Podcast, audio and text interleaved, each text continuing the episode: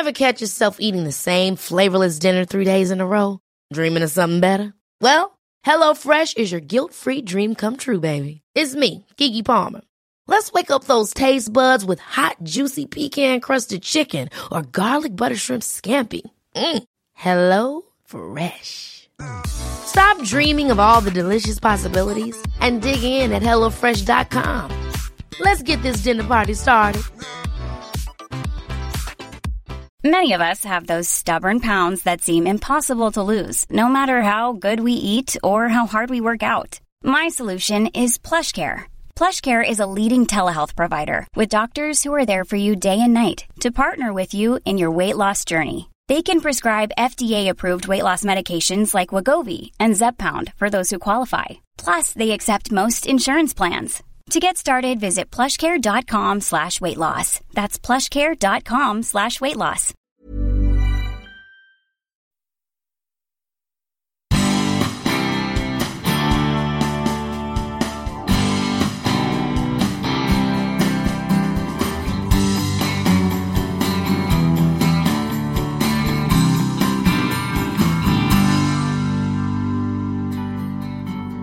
Nu är det dags för lite godbitar igen. Den här gången så har vi lagat en blandning till dig som innehåller allt från överlevnad under extrem press till hur man njuter av både mat och dryck på bästa sätt.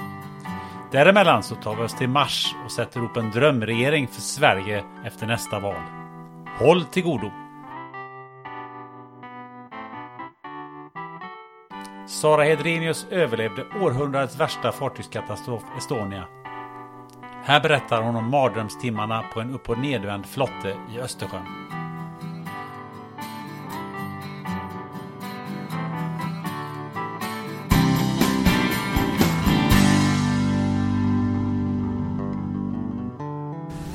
hur var den? Vad var för läget på den flotten? Ja, det var ju en liten gummiflotte och jag, vi räknade ut efteråt att vi var ungefär 16 personer tror vi i, i flotten. Vilket är väldigt många när man tittar på en sån eh, gummiflotte. Så att vi satt väldigt, väldigt tätt packade. Eh, men vi upptäckte också att våran, den här flotten var upp och nervänd. Vi satt liksom på golvet. Eh, okay. För vi kunde se att de andra flottarna som vi såg runt omkring hade fått upp små orangea tak. Eh, som skydd mot vinden och vattnet. Och så. Det var inte aktuellt att försöka vända den där flotten? Nej. Det var, Man hoppar liksom inte Det var faktiskt det. någon som sa något sånt men det, det, det hade ju naturligtvis inte varit någon bra idé. Det, hade inte varit någon det är svårt idé. med kommunikation i vanliga fall att få ihop 16 personer i i 5-6 meter höga vågor eller ännu högre. I 9 gradigt vatten? 9 gradigt vatten, det var mörkt och blåste. Det var ganska svårt att kommunicera. Så det var bara att sitta och hålla i sig? Ja, eh, alla ville i den här flotten ville vara på kanterna därför att eh, man behövde hålla i sig. Eh, fanns, det, fanns det någonting att hålla i sig där? Det fanns lite tampar och lite saker man kunde hålla sig i kanterna. För de här vågorna sköljde de över det då i och med att den låg upp och ner på också så det är väl inte den mest sjövärdiga mm. flotten man kan tänka sig? Nej, det, det kändes mer som att det blev som en badring. Liksom, att det var mm, ja, i mitten på flotten så var det väldigt djupt med vatten och sen så blev man tvungen att hålla sig i kanterna. Eh, för jag läste också någonstans att, att eh, ni höll så hårt i tamparna under de här eh, timmarna så att eh, läkarna eh, förklarade att, att, musklerna var mer eller mindre söndersmulade efter, eh, efter det här. Mm. Hur, hur, eh, hur, känd, hur kändes det en, sönder, hur kändes en söndersmulad muskel? Alltså hur, det låter ju ganska allvarligt. Ja, ja, jag har haft väldigt mycket verk efteråt. Men det var också som så att jag hade skadat en arm, den ena armen hade jag skadat på, under, när jag var på båten och ner i vattnet. Så att då använde jag den så lindade jag in eh, så här tågvirke runt armen. För jag tänkte att om jag hamnar i vattnet så kan jag linda ut den. Ja. Liksom, så, men jag satt fast. Och så den tog mer skada än den andra. Men hur orkar man hålla sig så länge när man liksom hör att musklerna är söndersmulade? Att ni fick dropp? Mm. Eh, nej, det var ju, men det, det handlade om att säkra sig på något smart sätt. Sen var det ju väldigt bra att jag och Kent, att vi var två, vi kunde hjälpa varandra. Sen, sen, var det ju också i kombination med att det var ju, eh, det var ju eh, kaosartat ibland på flotten också. Det blev ju att eh, oavsiktligen så fick man ju sparkar och slag och någon drog en i håret och sådär för att man behövde hålla sig uppe helt enkelt. Så det var ju den biten också. Alltså gjorde man inte det så blev man avsköljd av flotten då? Ja. Och det var de som blev av, avspolade också därför att en del vågor de sköljde över flotten. Eh, och en del vågor åkte man med upp på toppen. Så ni var 16 personer eh, från början där? Mm. Och eh, hur var stämningen? Alla bara höll i sig så mycket de kunde eller vad pratade man med varandra eller vad gjorde man?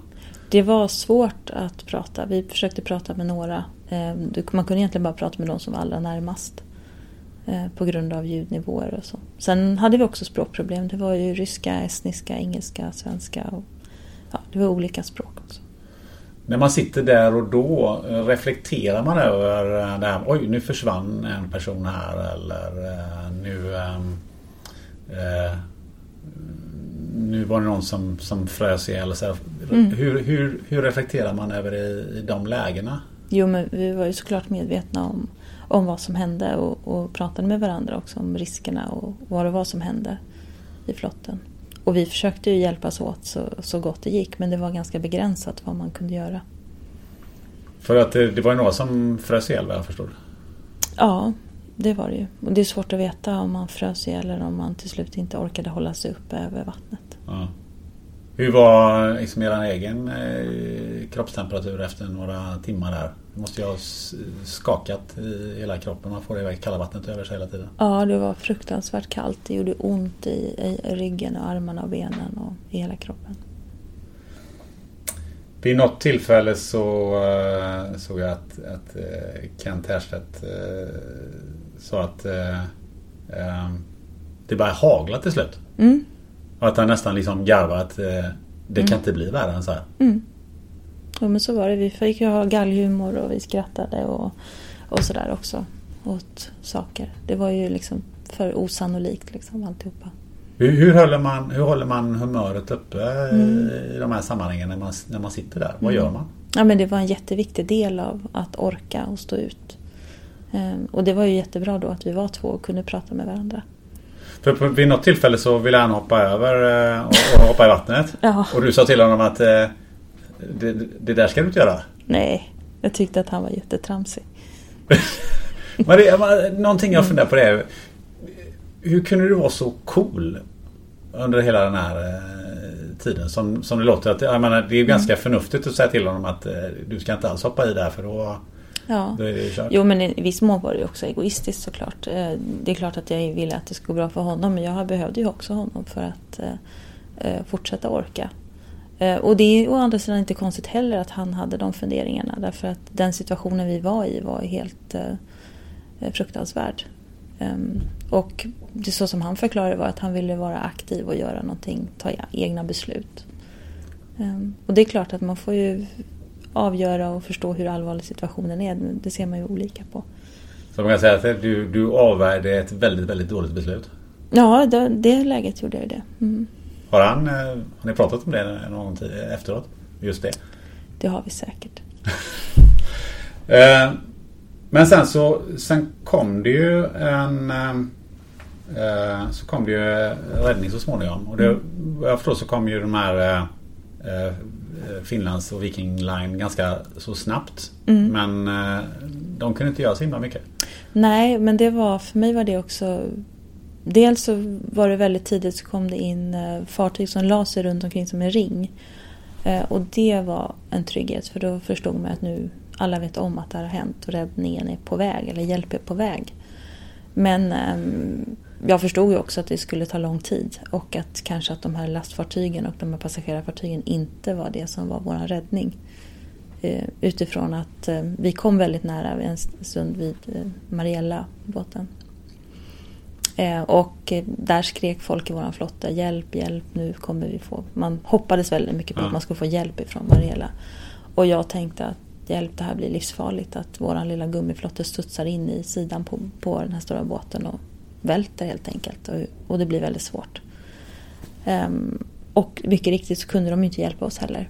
Vi fick ju ingen hjälp ifrån Mariella. Det gick inte att fira ner någonting eller det gick inte att... Nej, inte vad jag såg då och inte vad jag förstått efteråt heller. Hur tidigt kom helikoptrarna sen då? De kom nog, det är svårt att avgöra, men de kom också, första helikoptern kom in ganska tidigt också.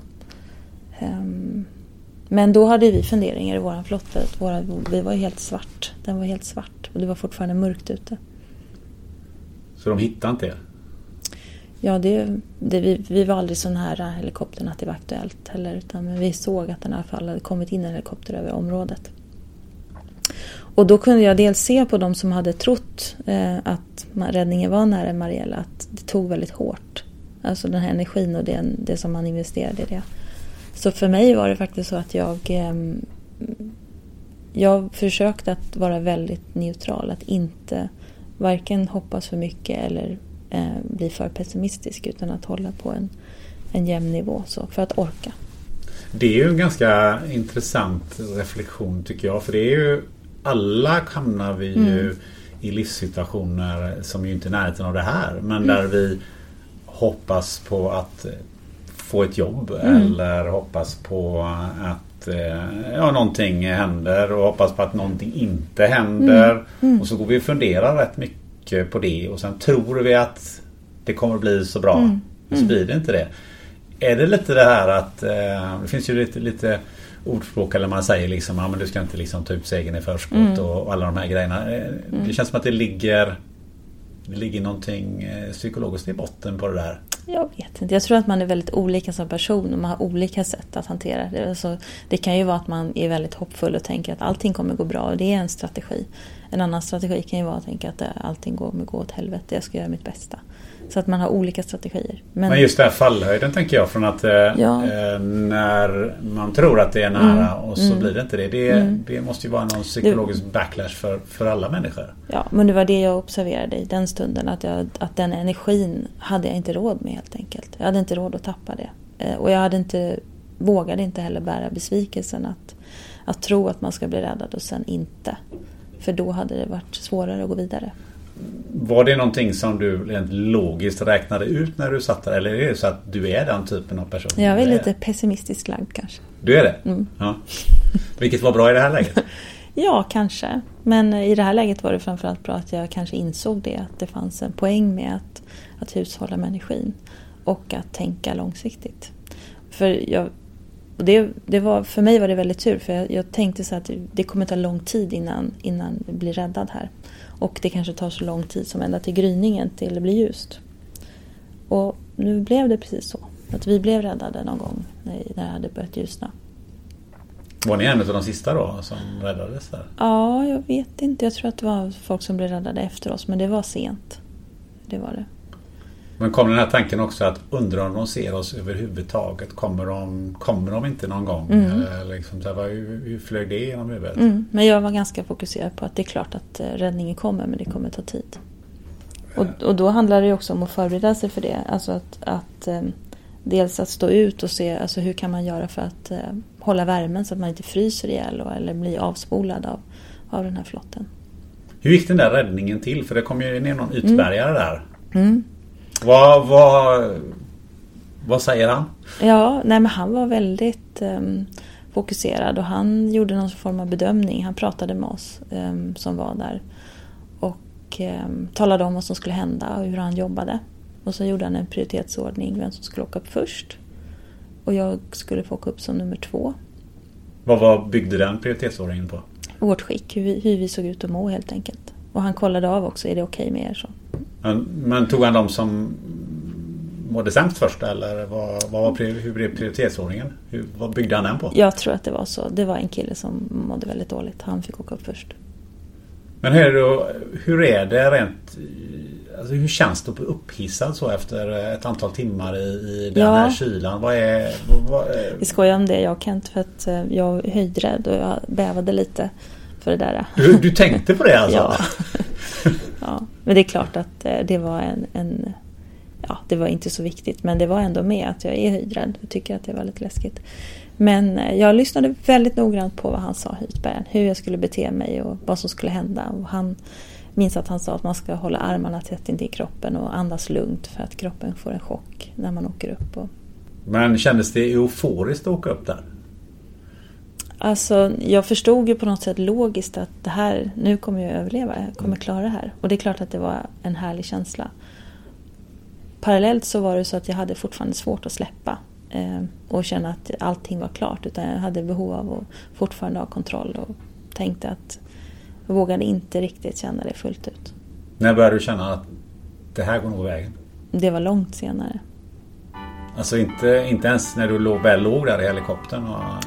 Ja, i helikoptern så låg jag och funderade på vad gör jag om helikoptern havererar? Varför var Den gamla havet av Hemingway och Kjell Grede några av framgångsfaktorerna när Thomas Gustafsson tog OS-guld 1988? Här kommer svaret. Grejen med Hemingway var ju lite speciellt då, för att det, det, kan, det kan ju låta lite fjantigt men, men jag, jag minns ju att jag var ganska, jag var ganska nedslagen. 80, jag berättade ju mm, det förut då, mm. efter 84 där mm. och 84, 85. 86 och sen kom, kom ju vändningen och då, då minns jag att jag, jag läste i Den gamla havet. Och, och, där sitter ju då liksom Santiago, fiskaren ute på havet där och liksom eh, har dödat den här svärdsfisken och, och redan ja, han sitter i någon slags betraktelse som människans överlägsenhet och betraktar sin motståndare då som han nu har lagt ner där och, och, och så va. Och så säger han liksom Man is not made for defeat. A man can be destroyed but he cannot be defeated. Och då kände jag liksom sådär, ja men nu, nu, nu pratar inte, han pratar inte om idrott eller han bryr sig, bryr sig, väl inte om liksom den lille skridskoåkaren. Men, men då kände jag så här, ja visst, jo men jag var nere för räkning. Men den här, liksom, den här lilla killen som hade sprungit omkring i Vilstaskogen och, och lekt och haft så mycket energi och som sen hade blivit junior och, och, och haft den här drivkraften och ville någonting framåt fanns ju här inne. va. Men jag var nere för räkning. Det, det var inget kul, det var, det var jobbigt, det var tufft. Jag visste inte vad jag ville riktigt va. Men liksom glöden fanns där va. A man can be destroyed but it cannot be defeated. Och, och det, Stora ord. Ja, det, det, låt den, jag, jag vet att jag skrev det någon gång då. Låt den store nobelpristagarens ord bli verklighet i ditt lilla skridskoliv. Och det, det hade faktiskt en, en viss betydelse att liksom näven var knuten. Även om jag var liksom nere för räkning. Jag har läst mig till att någon annan som inspirerat dig är Kjell Grede. Ja, oh, Kjell Grede. Ja, ja. Hur han ja, dig? Nej, men han var ju fantastisk. Han, alltså, Kjell Grede, jag, han, han var och föreläste för det här var ju långt efter idrottskarriären. Det var, det var när jag satt med SOK. Vi, vi hade en, det var efter OS i Nagano 98 på våren så hade vi en träff på Bosön. Och eh, Kjell Grede var inbjuden. Eh, regissören skulle prata om ledarskap från teatern och filmens värld. Eh, till förbundskaptener från svensk olympisk idrott. Och han kom in och började med någon fantastisk historia om Isaac Stern eh, och, och, ja, och satte liksom tonen för, för sitt eh, föredrag. Men sen, och sen, sen ritade han, hade han en whiteboard så ritade han en linje och så skrev han K för kontroll på den linjen. Och så sa han så här att de flesta människorna strävar efter kontroll i tillvaron. Eh, och, och, så pratade han om det och jag satt och tänkte så här, ja precis, kontroll. Det handlar om att träna, träna, träna, träna, träna, träna så att du kan din sak riktigt, riktigt väl. De flesta människorna strävar efter kontroll i tillvaron. Och så drog han en linje till och så skrev han IK, jag lyssnade i idrottsmannens öron då, så skrev han IK för icke-kontroll. Och så drog han till med ett kryss i mitten. Och så, så, så, så sa han så här att, att bedriften, som menar med det här krysset då, bedriften utförs alltid utanför kontrollområdet. Och, och då tänkte jag så här, ja. För jag hade ju mina erfarenheter eh, ifrån skridskobanan, liksom, från OS i Calgary. Där, där jag liksom Ja, nu är vi tillbaks där då. Va? Men, men om man då tänker så här, ja men jag hade tränat och tränat och tränat och tränat och tränat och tränat. Jag, skridsko kunde jag åka, inga problem med det. Rakt fram vänster, jag visste precis hur jag skulle göra de första eh, 200 metrarna, jag visste hur jag skulle göra de första fyra varven, de andra fyra varven. Eh, de näst sista två varven och de sista två varven. Jag visste exakt hur jag skulle göra. Det hade jag gått igenom och igenom och igenom. Jag hade lagt mig ner med min mentala träning och, och, och, tänkt igenom det här. Så det var inga problem. Kontroll på prestationen. Man kan tycka så här, men det är bara 12,5 varv. Det är bara att åka rakt fram och vänster. Ja visst, jo, men man kan ju ta det några steg till då liksom. Därför att eh, när det är två varv kvar och någon står där och ropar så här, Thomas du får sluta nu. Liksom. och det liksom, ah, tack så mycket, vad skönt liksom. Det bränner i benen och sen kan man inte sätta sig ner igen. Va? Och det gäller ju liksom att jobba sig förbi det där så att när man kommer när det är två varv kvar, det är då man vill vara som allra starkast. Så, så kontrollen, ja visst absolut va. Bedriften utförs alltid utanför kontrollområdet. Ja men hur ska man komma dit då? Och då tänker jag så, ja men det är inspirationen. Att faktiskt åka fram till startlinjen med en känsla av att orka hur mycket som helst till exempel. Och då kan man fråga sig, vart finns den känslan då, att orka hur mycket som helst? Ska jag inte tänka på loppet nu? Jo, det kan du göra. Men vart hittar man den där känslan att orka hur mycket som helst? Ja, det kanske finns i något träningspass som spontant har uppstått längs vägen fram mot det här målet. Och då hade jag ett träningspass från Vilstaskogen i Eskilstuna hösten 87 någonstans där då. Ett antal månader innan OS i Calgary. Sex gånger tre minuter löpning och liksom en skidåkare hade jag bara fnyst och sagt det behöver man inte byta om för ens. Va? Men det var attitydlöp. Det handlade om maximal insats genom skogen. Fullt ös.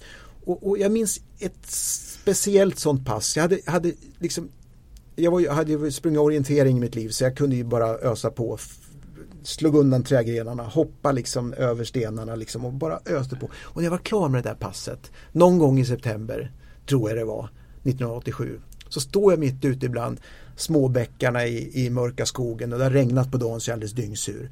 Och så tittar solen fram mellan trädgrenarna och så börjar fåglarna sin aftonkonsert och där står jag liksom nästan och, och känner att jag orkar hur mycket som helst. I det ögonblicket, liksom när solen tittar fram, man, andningen är hård och jag står och, och fåglarna börjar kvittra så känner jag liksom att oh, ta med den här känslan till vintern liksom ännu ett vinnande träningspass finns i, i sinnet. Va? Och, och den, där, den, den, där bilden av att stå där och känna att jag orkar hur mycket som helst, den hade jag med mig sen.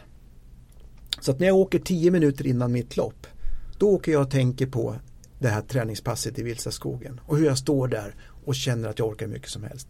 Jag behöver inte åka och tänka på att jag ska liksom fyra varv kvar, si och fyra, för det har jag, liksom, det, det har jag tränat in. Va? Så nu kan jag åka ut på den här startlinjen med, med liksom den här fantastiska känslan av att orka hur mycket som helst. Och då tänker jag så här, för mig är ju det att släppa kontrollen. Och det är där krysset är? Det är där krysset är. Va? Bedriften utförs alltid utanför kontrollområdet. Jag tar med mig den här känslan in i prestationen. Sen startskottet går, pang. Nu är ju loppet igång. Va? Men jag har den där känslan med mig. Och jag hade övat med den mentala träningen, lagt ner, slappnat av, kopplat av, gått till min mentala plats eller mitt mentala rum och spelat upp liksom den här eh, scenen ifrån skogen där jag står och känner att jag orkar mycket som helst och så tänkt på när det är två varv kvar. En gång, två gånger, tre gånger, fyra gånger, 30 gånger, 40 gånger. Jag vet inte hur många gånger. Jag hade gjort det under flera månaders tid. Så att, för jag visste att är jag med när det är två varv kvar, då ska ingen vara starkare.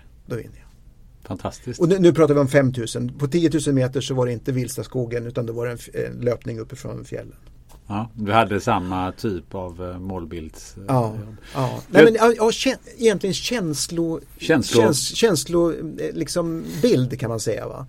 Och, och, och relaterat då till Kjell, Kjell Grede så, som ju sa väldigt mycket mer men som pratar just om det här och, och, och framför allt en annan grej då när vi kom in på Grede så dels det här då med bedriften utförs utanför kontrollområdet och det kunde jag ju relatera till själv. Men sen pratar han också att, att den som har makt, och då pratar han om ledaren, blir testad. Jag minns inte om han sa det exakt just så. Men den som har makt blir testad. Och, och det är ju liksom ledarens position. Va? Man, alltså, du blir testad som ledare. Och, och, och, man ser ju ledare som har, som har tappat sin makt genom att de har blivit testade och inte har kunnat stå pall för testet. De har ju ingen möjlighet att, att liksom leda, leda gruppen. Hur kan du utveckla det, det, lite? Vad nej, menar du med testet? Nej, men det kom, det, nej, men det kom en ja, men det kom en fotbollstränare till mig för många år sedan. Jag, jag kommer inte ihåg om de spelade i division 3. Och så, sa han, så höll jag ett föredrag och så kom han och frågade så här. Du, jag har en fråga, sa han. Ja, låt höra. Eh, ja, du, bästa killen i laget har spelat i en högre division och nu kommer tillbaks för att liksom varva ner i slutet av sin karriär. Och eh, eh, han vill inte gå upp i nästa division som är vårt mål. Så han har fått med sig några av de andra i laget. Hur ska jag göra? Alltså den här spelaren då som kommer Han vill inte gå upp i nästa division för då blir det längre till matcherna, det blir fler träningar i veckan och han är ju klar. Alltså, du måste ju peta honom. Och så får du ta liksom konsekvensen av det i sådana fall då. För att han förstörde, alltså han, han byggde upp en motstämning liksom som gjorde att han, den här ledaren blev ju liksom testad på det sättet. Mm. Och det, det kan ju vara förödande om du inte står pall för det. Så här blir man stjärna i Fjärran Östern. Inte trots, utan tack vare sitt handikapp har Lena Maria Vendelius setts av en tredjedel av Japans befolkning och blivit hedersmedborgare i Taiwan. Och det var i det sammanhanget som vi kommer tillbaka till det som du sa alldeles nyss då. Att eh, du hade varit eh, på OS. Ja, då Och så hade man gjort den här filmen. Ja. Men, men hur, hur hamnade du detta i japanska händer då? Jo, då var målet i sikte det här programmet. Var med på en filmfestival i Nederländerna. Och vann både tittarnas och juryns första pris. Och såldes till massa olika länder och flera olika tv-kanaler runt om i världen visade det här programmet. Eh, och så eh, hörde de av sig från Japan för då hade det visats där i ett stort nyhetsprogram som sänds mellan 10 och 11 varje kväll.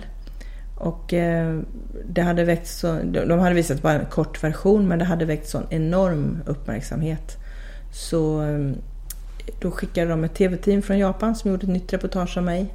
Och så visades det. Och sen så blev jag ditbjuden och var med i direktsändning i samma nyhetsprogram. Och så visades det. Och sen efter de tre gångerna, det var då de räknade ut att 80% av Japans befolkning har på TV. Någon gång har sett dig på TV? Ja, exakt. Men de kom hit och, och, till Sverige och spelade ja, in? det gjorde de. Hur är det eh, japanskt filmteam? Ja, de är väldigt annorlunda mot svensk filmteam. Svensk filmteam är ju väldigt eh, eh, frågar jag alltid om det är okej, okay, kan vi göra så här eller kan vi göra så här? Ett japanskt filmteam, de bara gör. Men det, är ju språkförbistring också, de kan ju ingen engelska så det kan vara det. Men de, de filmar mycket mer eh, de kunde, det var någon gång klättrade de upp i träd för att få rätt vinkel när de skulle filma när jag körde bil. De låg på motorhuven när jag körde. De gick rakt ut i ett rapsfält. De luktade illa hela dagen sen. Uh, och, alltså, det var massa så här konstiga saker gjorde de. För de ja, man är olika. Det är bara olika kulturer helt enkelt. Men roligt var det. De var med en hel vecka, från morgon till kväll. Och så klippte de ner det till sex minuter.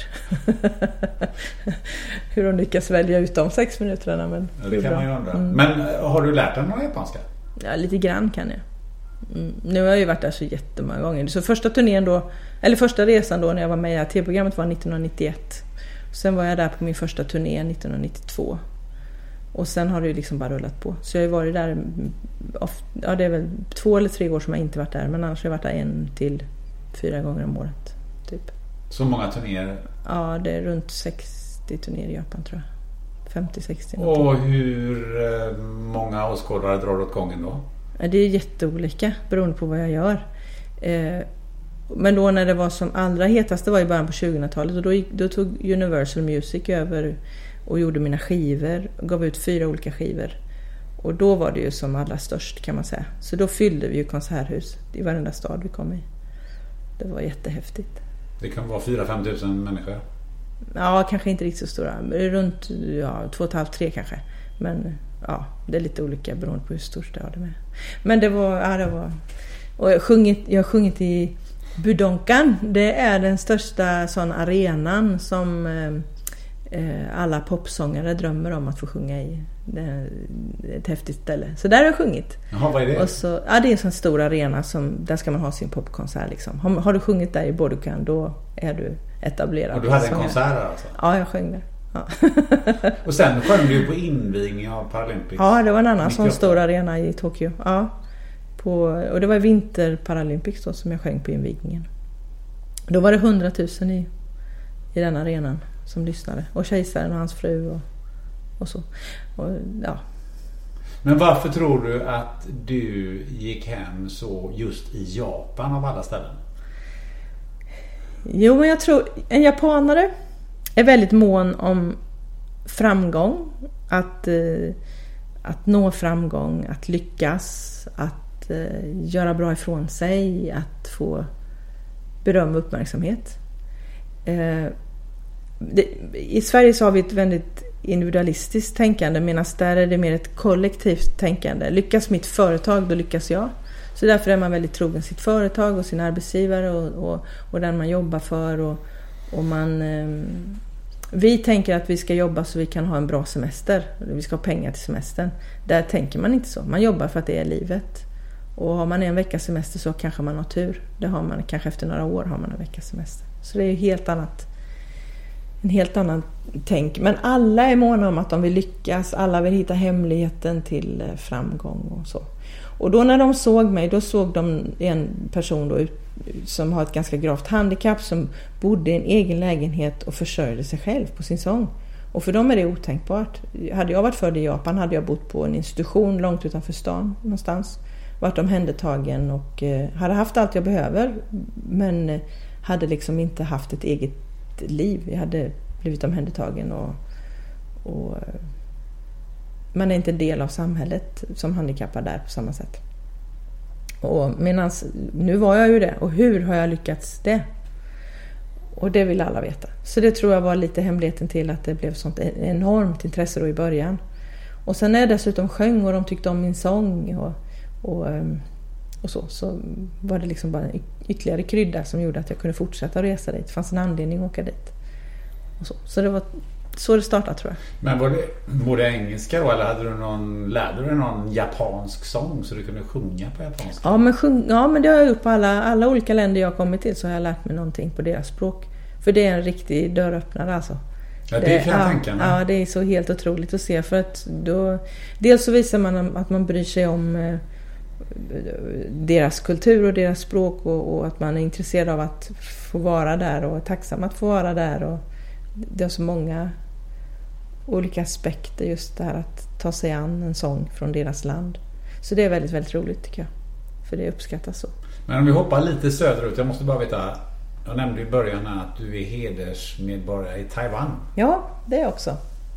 Är du lika stor i Taiwan som i Nej, Japan? det är jag inte. Eh, eller ja, jag vet inte förresten ska jag väl kanske säga.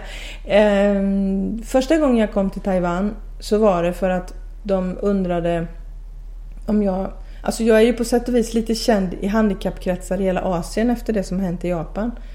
Eh, och jag hade varit i Korea en del också. Och sen hörde de av sig från Taiwan för då skulle de ha en stor eh, eh vad heter det? rullstolsmaraton.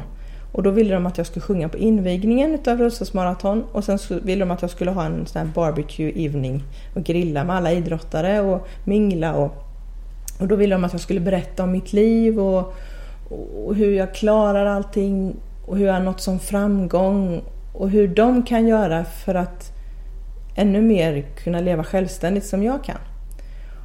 Och då är det ju något i mig som vänder sig när de säger så. Då, då blir jag så här att ja, men det är inte jag. Det är ju min omgivning som har gjort att jag har kunnat leva så. Och det är det som behöver förändras i de länderna. Så är det ju attityder, det är lagar, det är byggnader, det är eh, tillgänglighet och det är öppenhet att få vara med och, och, det är så mycket som måste förändras för att det ska bli som det är. Vi har ju kommit väldigt långt på det sättet i Sverige att man lever som alla andra som handikappad. Så sa jag det att ja, men det gör jag jättegärna, men jag skulle också gärna vilja träffa vanligt folk då, om ni verkligen vill att det ska innebära någon förändring för de handikappade. Och så då ordnade de två stora konserter i Taipei och så åkte jag dit och gjorde dem och så sjöng jag på rullstolsmaratonet och så och så var jag med på den här barbecue evening. Eh, men sen så, då, han, arrangören då insåg ju att det var ju ingen egentligen i Taiwan som visste riktigt vem jag var. Så att för att det skulle komma någon folk till konserten så var de ju tvungna att hitta på något. Så en vecka innan så åkte jag dit och så hade vi en stor presskonferens. Och då eh, ringde de och så frågade de om, om jag kunde tänka mig att simma i kapp med borgmästaren. Så det var det jag gjorde. Så det väckte jättemycket uppmärksamhet och så kom det massvis med folk. Och sen gjorde jag flera resor dit och gjorde turnéer i Taiwan flera gånger. Och då varje gång så träffade jag den här borgmästaren och vi gjorde olika saker. Jag lagade mat till honom och vi, jag fick ta emot något pris och så var det någon gång nu då så fick jag ta emot det här hedersmedborgarpriset. Sen var det den borgmästaren som blev president i Taiwan i åtta år. Eh, sen fick han inte sitta längre då. Man får ju bara sitta i åtta år. Men han var en fantastisk, eller är en fantastisk man. Ma Ying-Yu heter han. Och eh, han lärde jag känna och han... Eh, ja, jag tror nog att det blev lite förändring, framförallt i attityder mot handikappade. Efter att jag hade varit där så många gånger. Sjungit och framträtt både i media och i, på konserter och så. För han var med i, eh, på länk i alla fall, eller man hade spelat in eh, honom när du var på det här Här i ditt liv? Ja, det hade de. Det var, det var fantastiskt att få en hälsning från honom där. Ingen hade någonsin ifrågasatt Bea Clarks hudfärg förrän tv-serien Rötter gjorde debut. Här får du en inblick i en del av hennes tuffa uppväxt och vem som hjälpte henne att bara få vara Bea. Eh, så att vi var ganska blandade. Jag hade många, framförallt från Turkiet. Eh, så att för, för, eh, för mig var det liksom en icke-fråga. Det var ingen som tittade på mig annorlunda eller såg på mig annorlunda. Men det, det blev en vändning. Och jag kommer inte ihåg vilket årtal. Men det kom en serie som gick på TV som eh, fick en stor framgång som hette Rötter. Som handlade om en pojke som heter Kunta Kinte. Just det. Ja. Den har jag läst. Ja. Och den blev ju ganska upphåsad och liksom stor framgång i Sverige. Och när den kom så märkte jag en förändring. Att man eh, började liksom titta på mig med andra ögon. Och helt plötsligt så var det liksom andra unga när man bråkade och tjafsade som barn gör, som började kalla mig för Kunta Kinte. Eh, Eh, och det här med slavar och jag ska, skulle sticka tillbaka till Afrika och jag kan tycka att, att den serien föll lite fel ut. Eh, och att man inte hade någon förberedelse för hur, hur man skulle arbeta med liksom den frågan för eh, oss som hade annan bakgrund. För att min pappa, han umgicks också i sammanhang där det var utifrån att kolonierna hade mycket brittiskt och franska Eh, pass så kunde man liksom resa och flera kom till Sverige eh, och vi hade också en del amerikanska Vietnamdesertörer som kom till Sverige som var afroamerikaner. Så att det fanns liksom ett, ett nätverk utav människor som hade afroamerikansk eller mörk bakgrund eh, som min pappa umgicks med inne i Stockholm och också ute i de olika förorterna runt om Stockholm. Så att när, när rötter kom så blev det en annan ton, tycker jag. Och då började man liksom uppmärksamma min hudfärg. Det kommer jag ihåg väldigt, väldigt tydligt. Oerhört intressant det där för den boken var ju lite en revolution när den kom. Ja. Eh, och sen så gjorde man ju den här tv-serien eller Ja.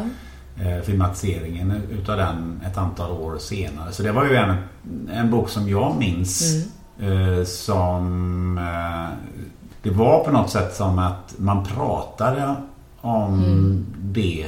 Men att det skulle ge den effekten som du säger. Det har jag aldrig hört. Det var Mm. Nej. oerhört, eh, det var oerhört intressant. Och jag tror att eh, ur ett vuxet perspektiv så såg man nog på boken och serien på ett annat sätt. Och man fick en förståelse för hur världen ser ut och hur det var eh, på den tiden med slaveriet.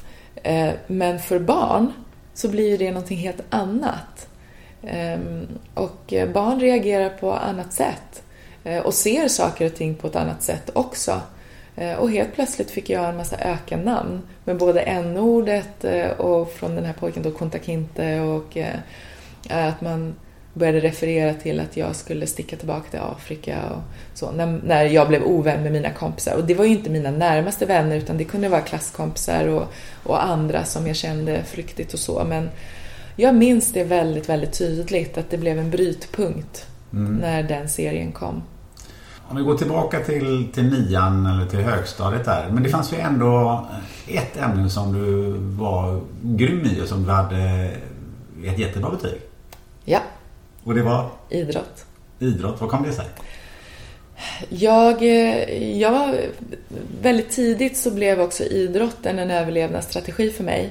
Jag började med friidrott när jag var sju år gammal. Eh, Och fick ganska, ganska tidigt klart för mig att jag var duktig. Att jag var väldigt snabb. Eh, Och hade lätt för att lära mig och ta till mig instruktioner. Och jag vet inte om idrottsledare, eller det vet jag ju. Jag vet att idrottsledare har ett annat ledarskap helt enkelt. Eh, och där fick jag liksom andra, jag fick förebilder och jag fick vara i ett positivt sammanhang. Eh, och jag fick öva på någonting som jag var bra på. Och det är ju jätteviktigt för självkänsla och för självförtroende såklart. Eh, så att det blev liksom naturligt att idrott var ett bra ämne för mig, även i skolan. För det var någonting som jag var bra på. Det, det var inget konstigt. Men framförallt så fick jag en idrottslärare som såg mig. Och som förstärkte det? Som förstärkte det. Och det är faktiskt en fascinerande historia i sig för att han var också professionell fotbollsspelare. Mm, det var så du första gången kom i kontakt med fotbollen? Ja. Eh, eller, jag, jag har ju, alltså, mina syskon, både min stora syster och min storebror och en storebror på pappas sida spelade fotboll. Så att jag kom i kontakt med fotbollen väldigt tidigt, men jag valde friidrott. Eh, men, men han var professionell fotbollsspelare och började jobba som idrottslärare på min skola. Och det var fascinerande att han byggde extra relation till mig. Eh, och sa ganska tidigt till mig att eh, alla är bra på någonting, B Och du har det också. Du måste bara hitta din inre drivkraft. Och jag hör vad alla andra lärare säger och jag ser vad du utsätter dig för och vilka situationer du hamnar i. Här får du bara vara Bea. Eh, och helt plötsligt så, så dömde inte han mig. Eller det var en vuxen som inte dömde mig. Eh, och jag fick vara i ett positivt sammanhang. Vilket också gjorde att jag utvecklades. Ehm, och bara kunde vara lugn i att inte behöva ställa till problem. Utan fick vara en i gänget och att han, han lyfte mina positiva egenskaper som jag inte trodde fanns. Men han sa att de fanns och då trodde jag på honom. Men du, det finns inte så himla många professionella fotbollsspelare. Vem var denna fantastiska gympalärare? Kenta Olsson. Kenta Olsson. Hammarby. Mm. Ett inte helt okänt namn. Absolut inte. Ikon. Eh, och jag har ju förstått att eh, han eh, har gjort det här med väldigt många barn och unga. Och jag har också berättat för honom eh, om hur viktig han var för mig eh, i, i skolan. Och när jag jobbade på Fryshuset de sista två åren så hade jag ett uppdrag för svensk elitfotboll att jobba med svensk elitfotbolls värdegrund. Och då träffade jag alla spelarna i alla klubbar under två år. Och när jag var i en stor allsvensk klubb så kom en fystränare fram till mig efteråt och var väldigt berörd.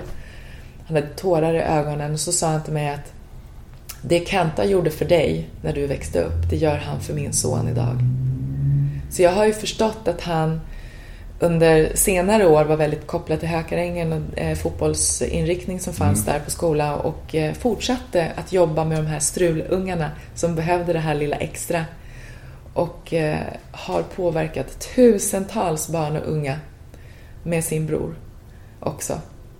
Fantastiskt. Ja, fantastiskt. Och jag är väldigt noga med att alltid berätta vem han är. För att våra förebilder lämnar avtryck på oss och vi måste berätta berättelsen mm. om våra förebilder. Och jag tycker också att det är viktigt att lyfta honom. Så att jag brukar alltid berätta om honom och också vem han är. Eh, för att ehm, jag märker ju idag i mitt ledarskap, både utifrån de 20 åren jag var på Fryshuset men också i svensk elitfotboll, att de egenskaperna som han gav till mig mm. har jag fört vidare i mitt ledarskap. Hey, it's Ryan Reynolds, and I'm here with Keith, co star of my upcoming film, If, only in theaters, May 17th. Do you want to tell people the big news? All right, I'll do it. Sign up now and you'll get unlimited for $15 a month in six months of Paramount Plus Essential Plan on us. Mintmobile.com slash switch. Upfront payment of $45 equivalent to $15 per month. Unlimited over 40 gigabytes per month. Face lower speeds. Videos at 480p. Active Mint customers by 531.24 get six months of Paramount Plus Essential Plan. Auto renews after six months. Offer ends May 31st, 2024. Separate Paramount Plus registration required. Terms and conditions apply if rated PG. Hold up. What was that? Boring. No flavor. That was as bad as those leftovers you ate all week. Kiki Palmer here, and it's time to say hello to something fresh and guilt-free. Hello Fresh. Jazz up dinner with pecan-crusted chicken or garlic butter shrimp scampi. Now that's music to my mouth. Hello Fresh. Let's get this dinner party started. Discover all the delicious possibilities at hellofresh.com.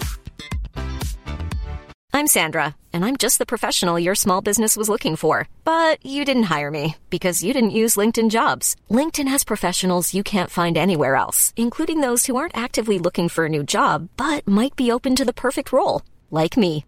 In a given month, over 70% of LinkedIn users don't visit other leading job sites. So if you're not looking on LinkedIn, you'll miss out on great candidates like Sandra. Start hiring professionals like a professional. Post your free job on linkedin.com/people today. När serieentreprenören Pigge Werkelin skulle starta ett flygbolag så skulle han göra allt precis tvärtom än alla andra. Hur hänger det då ihop att han tog med en rutinerad pilot i bolaget?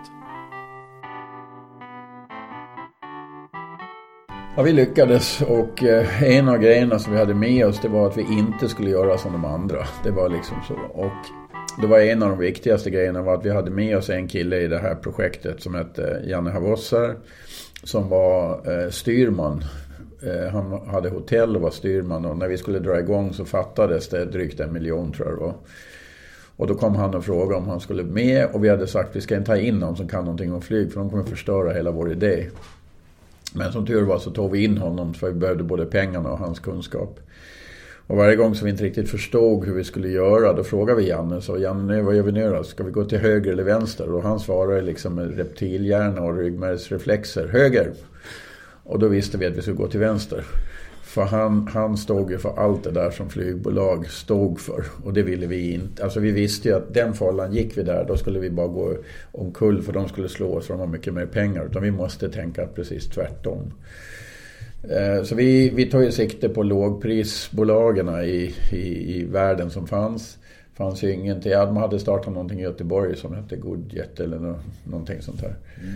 Som också gick i konkurs. Eh, och eh, så försökte vi, vi sa att vi måste ha en högre kabinfaktor och lägre priser. Så målet var att börja på ett lågpris och så sänka det hela tiden. För varje gång vi sänkte priset så fick vi mer folk i kabinen. Och det var vårt, skulle vara vårt framgångskoncept. Och så blev det. Och vi, eh, efter tio år så hade vi ju sex eller sju linjer som vi flög. Och varje linje var ett eget bolag. Så Sundsvallsflyg, de flög Sundsvall, Göteborg, Sundsvall, Stockholm. Gotlandsflyg flög Gotland, Stockholm, Gotland, Göteborg, Gotland, Skåne. Och eh, eh Kullaflyg i Skåne, de flög ju bara till eh, Stockholm. Men utifrån Eh, sin publiks flygtider och på sin publiks... Alltså vi skulle vara bästa möjliga för regionerna hela tiden. För regionens bästa. Det var liksom vårt motto.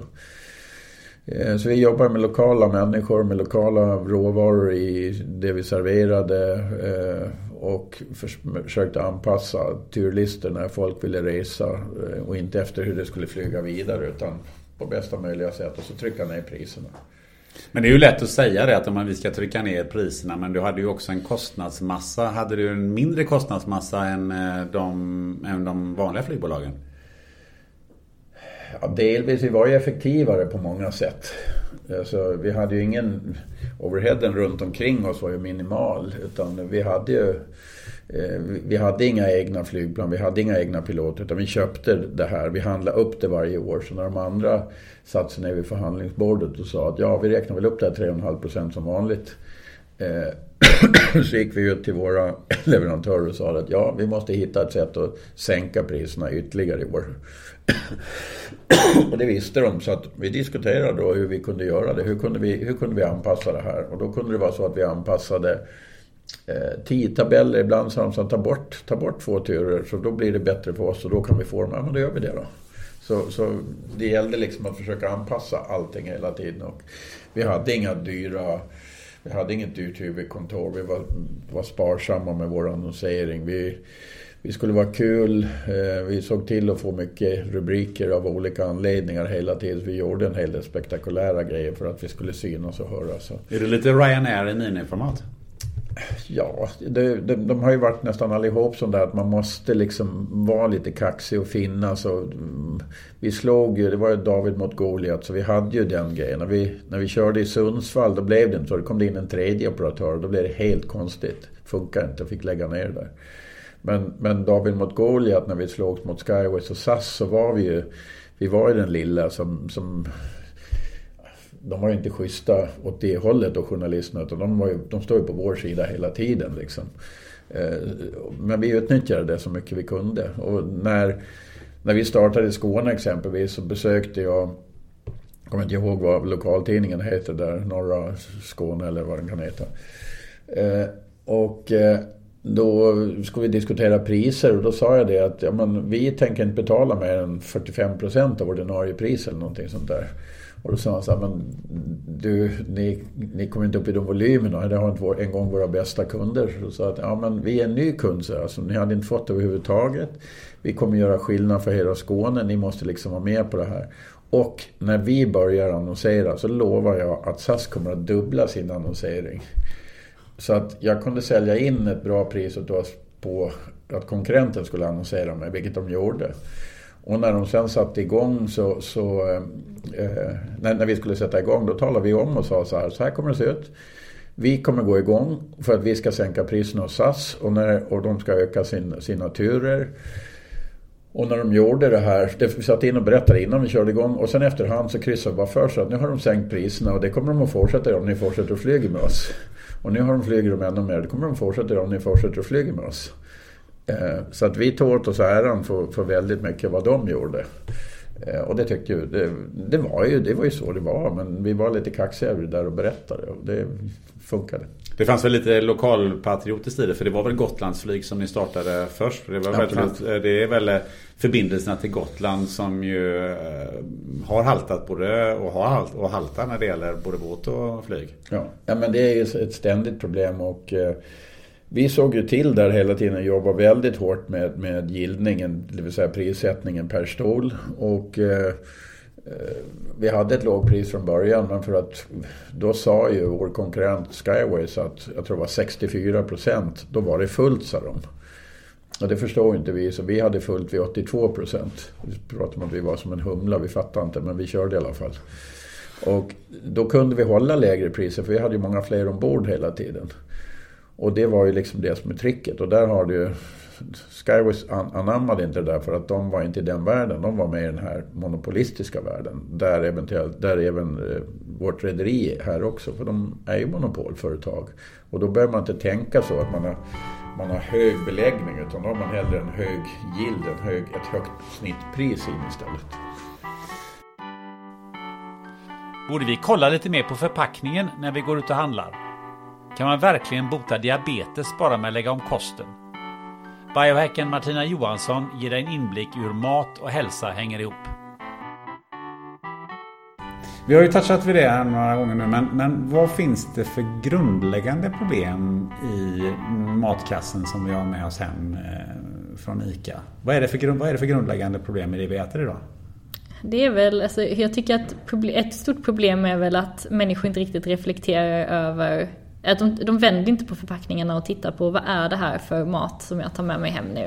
Vad, vad är, de läser inte eh, det, ingredienslistan och när jag själv började eh, fundera över hur jag skulle äta och sånt. Då började jag faktiskt gå och vända på grejer i affären. Innan jag köpte dem så fick jag ju, bara det gav mig en jättestor aha-upplevelse över hur otroligt mycket skit som slängs in i helt vanliga oskyldiga produkter. Och där tror jag folk hade kunnat bli mer medvetna och bara bara vända på förpackningarna och läsa, läsa ingredienslistan. Vad är det här? Vad är det de har slängt i? Vad är det för någonting? Varför har de, varför har de det i?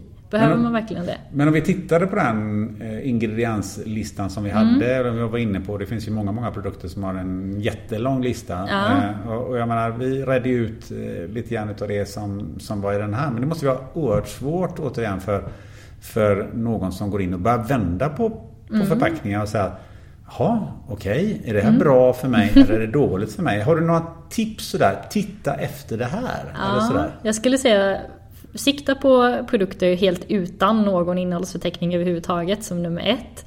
Och som nummer två, om de har... Vad, vad, är, vänta lite bara. Ja. Vad, är det för, vad är det för produkter? Det har vi ju kött till exempel. Allt kött, fisk, ägg och alla grönsaker och alla rotfrukter. Du okay. går ju och bara köper liksom dina rotfrukter eller dina grönsaker. Det, då behöver ingen innehållsförteckning. Du ser att det är en morot liksom. Eh, så det, det är väldigt bra. Och sen om, de måste, om det är i en förpackning och de har en innehållsförteckning, sikta på så få ingredienser som möjligt. Helst under fem ingredienser. Är det mer än fem så börjar det bli, då börjar det bli lite skumt tycker jag. Jaha, vilket bra tips då. Ja. Ehm, men du som och andra, eh, vad man kallar för LCHF-entusiaster, du, du säger mm. att vi ska äta mer fett och mindre kolhydrater. Och, mm. och varför ska vi göra det?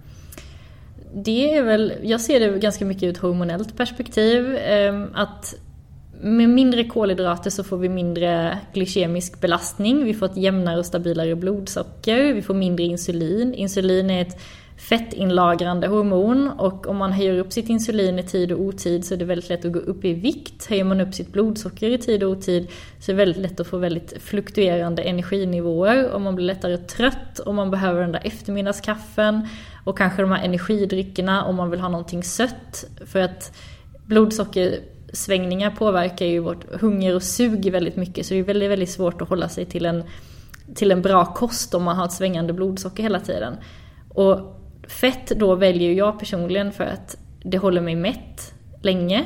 Jag kan äta mycket mindre mat och vara nöjd med det och jag får min energi ifrån, eh, ifrån ett, en makronutrient som tillåter mig att komma in i ketos så att min kropp förbränner fett som sin primära energikälla istället för att förbränna socker. Och det gör att när, när min energi är slut från maten så kan kroppen gå över och ta av mina fettlager istället utan att jag märker någon skillnad. Vilket gör att jag kan, jag kan lätt klara mig utan mat i ett dygn utan att jag ens märker att jag inte har ätit. Så det är, det är lite så här, det är lite biohacking kan man säga. Där man, man skiftar sin, man, man ökar sin metabola flexibilitet riktigt ordentligt.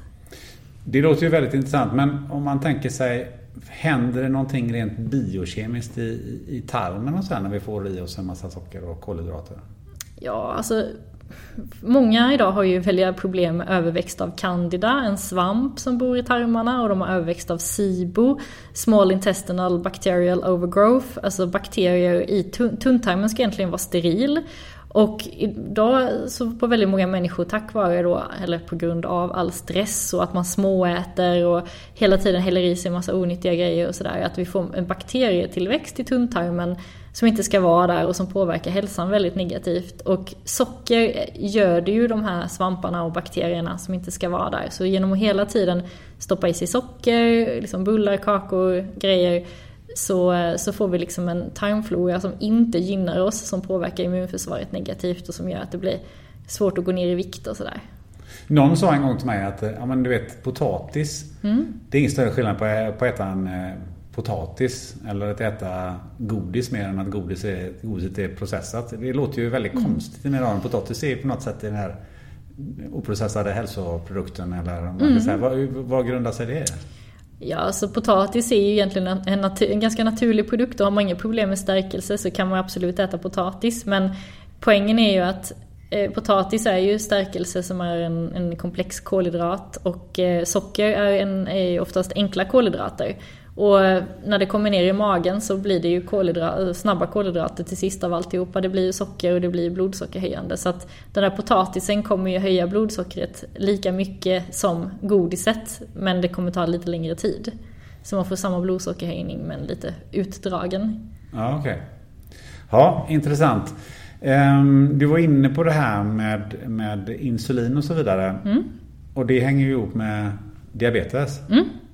Ehm, hur hänger, och hur hänger det ihop då? Att, eh, kan, får man diabetes utav, att typ 2 pratar vi om då, mm. um, eh, på grund av den, den maten man äter?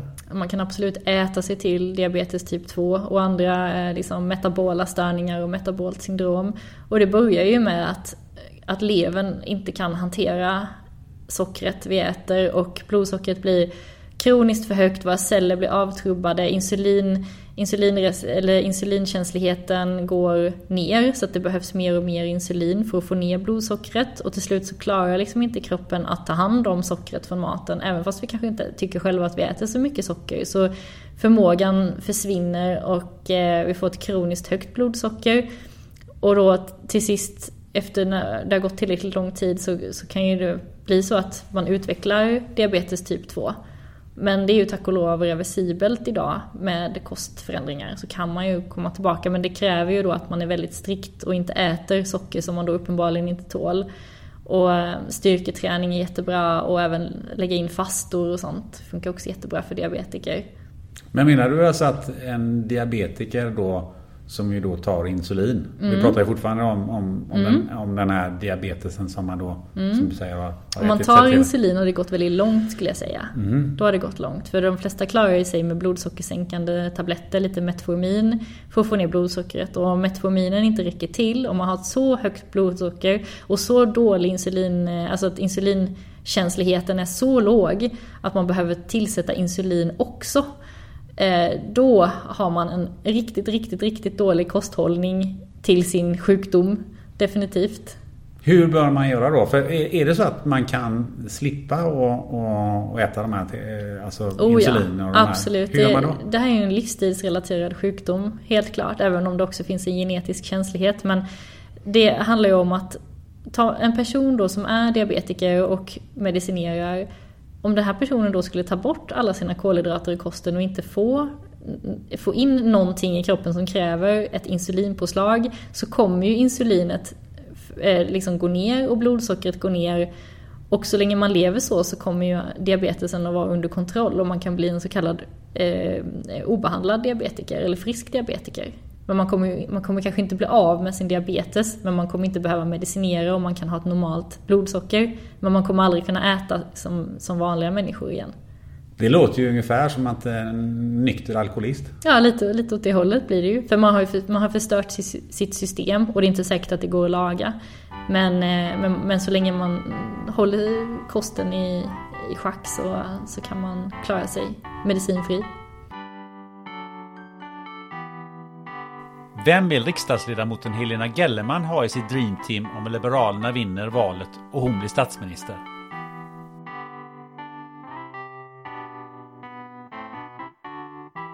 Pratar jag lite framtid och jag tänker att vi ska eh, börja avrunda med ett framtidsscenario. Eh, som jag tänkte sätta, sätta in dig i. Och framtidsscenariot ser ut så här då att Nyamko Sabuni hon misslyckas kapitalt. Eh, och inför nästa val så blir du eh, ny partiledare för Liberalerna. Eh, Okej.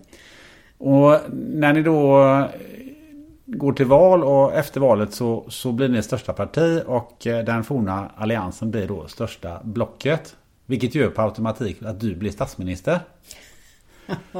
Eh, och då är min första fråga så här. Vilka fem personer, behöver inte vara politiker, eh, Eh, skulle du vilja ha i ditt dreamteam? Oj, oj, det var en fråga.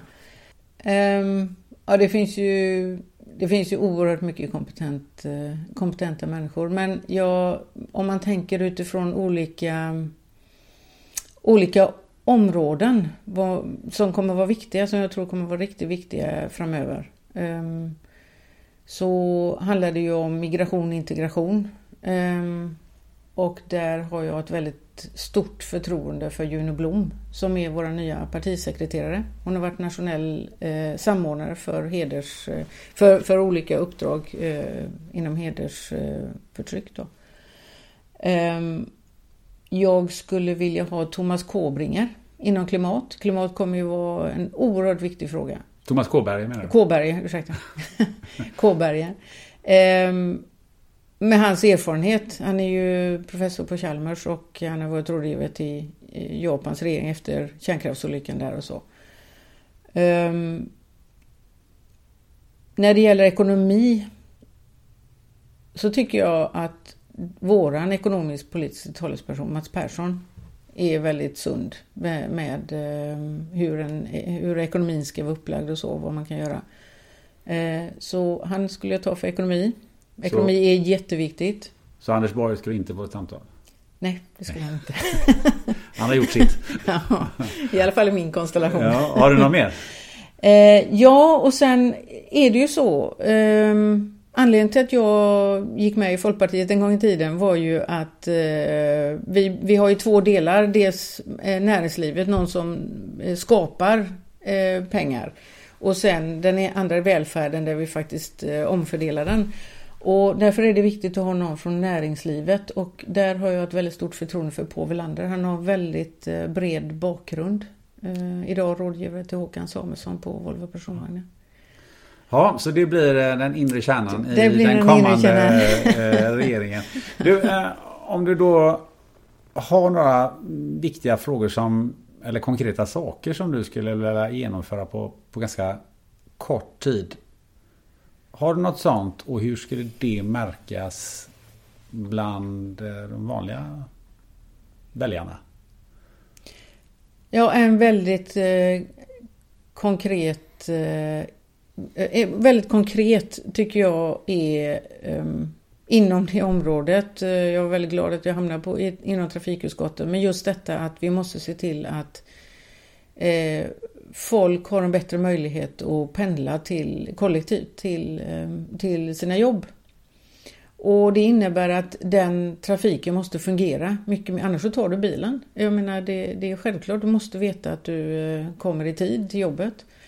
Ehm, så jag skulle vilja verka för att man ehm, att det blir ehm, större tillförlitlighet på tåg och bussar och, och sådana saker. Eh, tänker jag mer konkret här i Lerum ehm, så vill jag verka för att eh, Göteborg-Alingsås eh, att det kommer upp på kartan. Vi kommer ha en ny nationell infrastrukturplan som ska tas 2022 innan den här mandatperioden är över. Och jag vill att den upprioriteras med faktiskt nationella argument, motiv. För att skulle den komma till stånd så skulle vi kunna få mycket bättre eh, pendling. Eh, både arbetspendling men även långpendling till, mellan Göteborg och Stockholm. Och den har lite kommit bort i debatten. Och min eh, fru pendlar ju varje arbetsdag till Skövde. Så att eh, hon får lyssna på det här så får vi se var hon lägger sin röst. ja, precis. Mats Wahlström är VD på Poppels Bryggeri i Jonsered. Här får du en inblick i hur man crowdfundar både öl och ett helt bryggeri.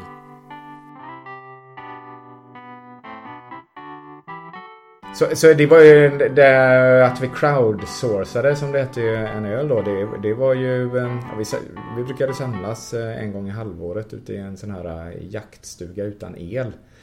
Så hade Daniel, vår bryggmästare, det var en vårsamling, så satt vi där ute. Då hade han bryggt upp tre stycken olika smakprover då, eh, som var olika bärvarianter.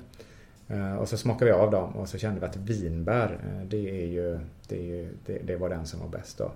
Och sen satt vi och, och, och, du vet ibland det bara spånade iväg då. Så då hade vi, ja ah, just det, åh vinbär. ja men ah, skulle någon kunna tänkas vilja hjälpa till och göra den här ölen vinbär och sådär då. Så då hade vi först hade vi en sån här glassbil, du vet Eh, som åker runt. Vi tänkte ja, men vi kanske åker runt i villakvarteren med, som en, med en sån och samlar in vinbär då. Ehm, men det insåg vi nästa dag. Nej, utan istället så gjorde vi så att vi, att vi ehm, tyckte fortfarande det var en bra idé. Eh, och så lät vi folk komma till två krogar och till bryggeriet.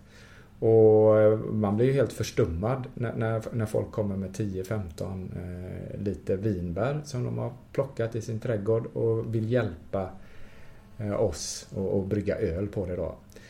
Eh, så det, vi försöker alltid att tänka och fundera så. Uh, Vad blev det för öl då? Ja men det blev en, uh, det blev en Saison hette det. Uh, så det är en belgisk ölstil och säsong, säsong betyder ju säsong. Så det är en ölstil där man helt enkelt tar det man har i trädgården och så öser man ner i ölet och så jäser man det och dricker det färskt. Så det kan man göra på massa olika, massa olika typer av bär och frukt. Sålde du något? Ja, ja, det sålde ju helt fantastiskt. Det måste vara begränsad upplaga va? Så det var ju begränsad upplaga. Första vändan var, eh, tror jag vi gjorde 2000 flaskor. Eh, och då har faktiskt eh, då har Systembolaget berättat för oss att deras vakter fick skilja kunderna åt hur de stod och slogs i affären. Så det var ju flera, det var säkert 100 meter kö i Nordstan och, och, och sådär eh, för att, eh, för att få eh, en av de här flaskorna då. Och det var 50 personer var det som hade hjälpt till att donera vinbär. Så vi kallar dem för vinbärshjältar. Ehm, och ehm, ja, men det var såklart att ja, man, man blir väldigt rörd på något sätt att det finns, att det finns sånt engagemang. Och genom åren så har vi, till exempel, vi gjorde ju det där några år och en gång kommer jag ihåg, då, då var det en, en äldre dam eh, som kom med massa vinbär. Eh, hon hade sett det på Facebook. Eh, så, ja, så roligt att någon vill ta hand om vinbären. Ja, så brygger vi öl och den finns... Nej, öl, det, det dricker inte jag. Det.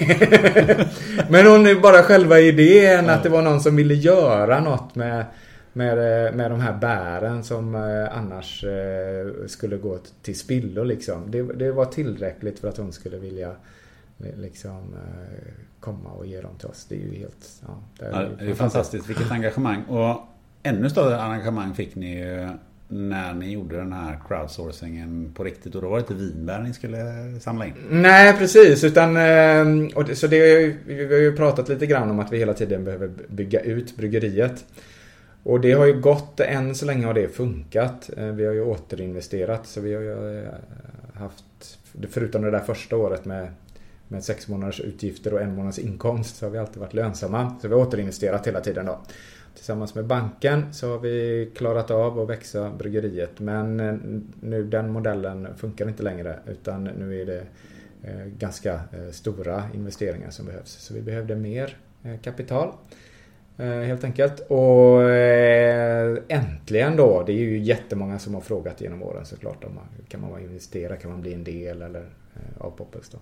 Äntligen så, så kunde vi öppna upp för en, en investeringsrunda helt enkelt. Om man ska prata i finansiella termer. Just det. Och hur gick den till? Um, ja, eh, så eh, det finns ju, ehm, alltså man kan ju gå till eh, professionella investerare. Um, och det är ju, om man har ett bra erbjudande så är det ett effektivt sätt att göra det. behöver man inte lägga så mycket tid på det kanske. Men eh, vi vill ju ta fasta på den här eh, liksom och bjuda in många, många människor. Eh, vi tror ju att det är en, det är en del av att Poppels är framgångsrikt. Så vi vill ju att fler skulle liksom få känna den här känslan. Det är rätt kul att vara delägare i ett bryggeri liksom. Och det är något speciellt när man ser den här ölen på butikshyllan och vet att man äger en del utav, utav bryggeriet. Så, så då valde vi crowdfunding. Såklart, för att göra det. Och, och öppnade upp Eh, för att ta in så många delägare som möjligt egentligen. Eh, så att, eh, ja. Hur mycket, mycket pengar behövde ni? Så vi behövde 18 miljoner kronor. 18 miljoner? 18 miljoner, ja. Det är rätt häftigt ja, men så att det, det är inte... Det är liksom... Ja, det är dyrt att köpa rostfritt. Och... och, och Eh, så vi fick ju in 18 miljoner. Det var, jag tror att vi hade teckningar för 46 eller 47 miljoner kronor. Så den var ju, det var ett våldsamt intresse. Så ni kunde, ni kunde ta, fått in 47 miljoner? Ja, absolut. Eh, så kunde det varit. Eh, men vad räknade ni med det? 18 miljoner är ganska häftigt. Det där. Ja, ja, vi var ju jätte... Det finns ju några sådana här ögonblick i Poppels historia när man har varit ordentligt nervös. Och ett utav de tillfällena var ju såklart när vi tryckte på eh, return-knappen, lansera kampanjen. Eh, så vi hade inte räknat med det faktiskt, inte i, i vår vildaste fantasi. Eh, det är ändå ett stort steg att, att ta och, och säga att eh, här har vi ett ganska litet bryggeri och, och, och jag är beredd att investera i, i det här bryggeriet. Jag tycker att det, det verkar ha en fantastisk framtid och jag vill engagera mig mer i det. Då. Så det är det vi... Det, men men det, det var samma som, en, eh, samma som när vi höll på med, med vinbärsölen. Eh, vi pratade ju om att eh, då var det ju att folk slogs. Men det var också att servern rasade. Systembolagets server eh, av all trafik. Eh, när vi gjorde den premiären. Och det var samma faktiskt. Eh, så våran fondkommissionär fick problem eh, att hantera alla teckningar som kom in den första dagen. Då. Det var en en, eh, ja, det var helt galet. Eh, jag kommer ihåg att jag vaknade tre på natten och så gick jag in och, och kollade på Google Analytics och det var jag tror det var över 80 eh, personer inne mitt i natten klockan tre och det var kanske 15-20 som precis hade köpt. Helt otroligt. Ja, helt. Det går inte att föreställa sig liksom hur... Ja, nej, det är ju... Men ni hade bestämt Man får väldigt ödmjuk och, och, och, tacksam. Men ni hade bestämt er för 18 miljoner så ni... Men varför tog ni inte in alla 45? Nej, det var ju 18 är ju, var ju behovet. Hur ser vägen ut till Mars och vilka faror möter astronauterna på vägen? Sveriges enda rymddesigner Cecilia Hertz berättar om allt från strålning till Elon Musk. Hur långt är det till Mars? Ja, som sagt med, med dagens teknik så tar det ju i alla fall sex månader själva resan Hur dit. många kilometer är det? Oh, den får vi googla. Den googlar, ja, den googlar, googlar vi på. ja, men det tar sex månader att åka dit Ja, i alla fall. precis. Ja, det är ju kanske det som är det väsentliga då. Ja, och, och sen är det ju mer att med, med, med ny teknik så kanske vi, vi, vi når fram på mycket snabbare sätt. Hur då? Ja, det vet vi inte än. Men jag menar att utvecklingen går ju så fort. Jag tycker det är det som är så spännande. Så vi lever ju i en oerhört spännande period nu. Jag tror vi kommer se så mycket mer än vad vi ens kan visualisera upp som kommer hända de kommande kanske 15-20 åren. Men vi kan ju inte rimligtvis inte åka fortare än ljusets hastighet. Nej, där har vi nog en begränsning. Om man nu, jag brukar inte vara den som pratar om begränsningar i och för sig. Eh, vad, är, vad är de största riskerna och vad är det som är svårast att fixa? Eh, mycket är ju, det här med strålningen är ju det, en av de största problematiken Mm. för att eh, klara människan. Är det solens strålar då? Eh, det är solens strålar. Ja, väl all möjlig strålning som är där ute i, i rymden. Hur Igen skyddas med man det. sig mot den? Eh, man jobbar ju på att hitta material som ska klara strålningen på ett bättre sätt än vad det gör idag. Sen har man också sett att, att vatten skulle man kunna jobba med mycket mer som ett skikt i eh, Eh, de här farkosterna. För vatten har en väldigt bra... Men då, då väger ju vatten så får man se, kan man använda det på något sätt i, i det vattenlager man ändå måste ha med sig. Man kan titta också på, kan, skulle man kunna jobba med någon slags, eh, det är mer idéer som vi har tänkt, man någon slags intelligent vatten som kan då känna av där strålningen ökar som, som vattnet kan flyta i någon slags mellanskikt och ta sig dit. Men det är bara något som vi har fantiserat om. Intelligent vatten, det Ja. låter ju smart. Ja. Men idag skyddar man sig ju redan mot strålning i de här rymdfarkosterna. Så Mm. vad är det som är problemet då om man bygger Ja, likadant? fast som- man kan säga så här att, att det, är, det är en problematik och det är därför man inte vill sända upp för unga personer. Man vill gärna att de ska ha fått sina barn och så för att man vet inte riktigt hur strålning kan påverka Även går igenom skalet på en rymdkapsel? Ja, precis. Eh, så det här är en av de största problematiken. Sen har vi också en annan så här lite dold astronautsjukdom är ju att skelettet bryts ner när man är i den tygglösa miljön. Eh, och det gör ju att astronauterna behöver träna två timmar per dygn för att motverka det här. Och det gör ju att när, när astronauterna har varit uppe länge i rymden så kan man ibland se att de, de bärs ut ur farkosten när de har landat. Och det är inte för att de är trötta utan det är för att man inte vill då belasta skelettet eh, när man precis har kommit ner och landat.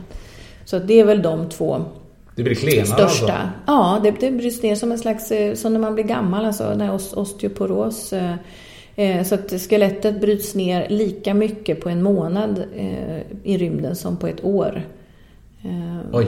Mm, så det, det är en snabb försämring som, som sker då. Kan man motverka det genom träning då? Alltså? Ja, det är därför man måste träna två timmar per dygn så. Hur långt har man kommit i utvecklingen?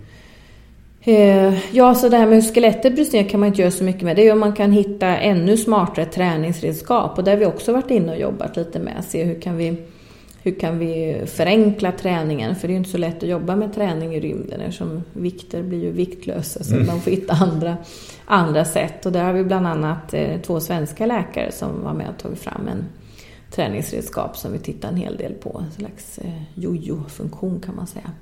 Så där, där behövs ju utveckling göras ännu mer.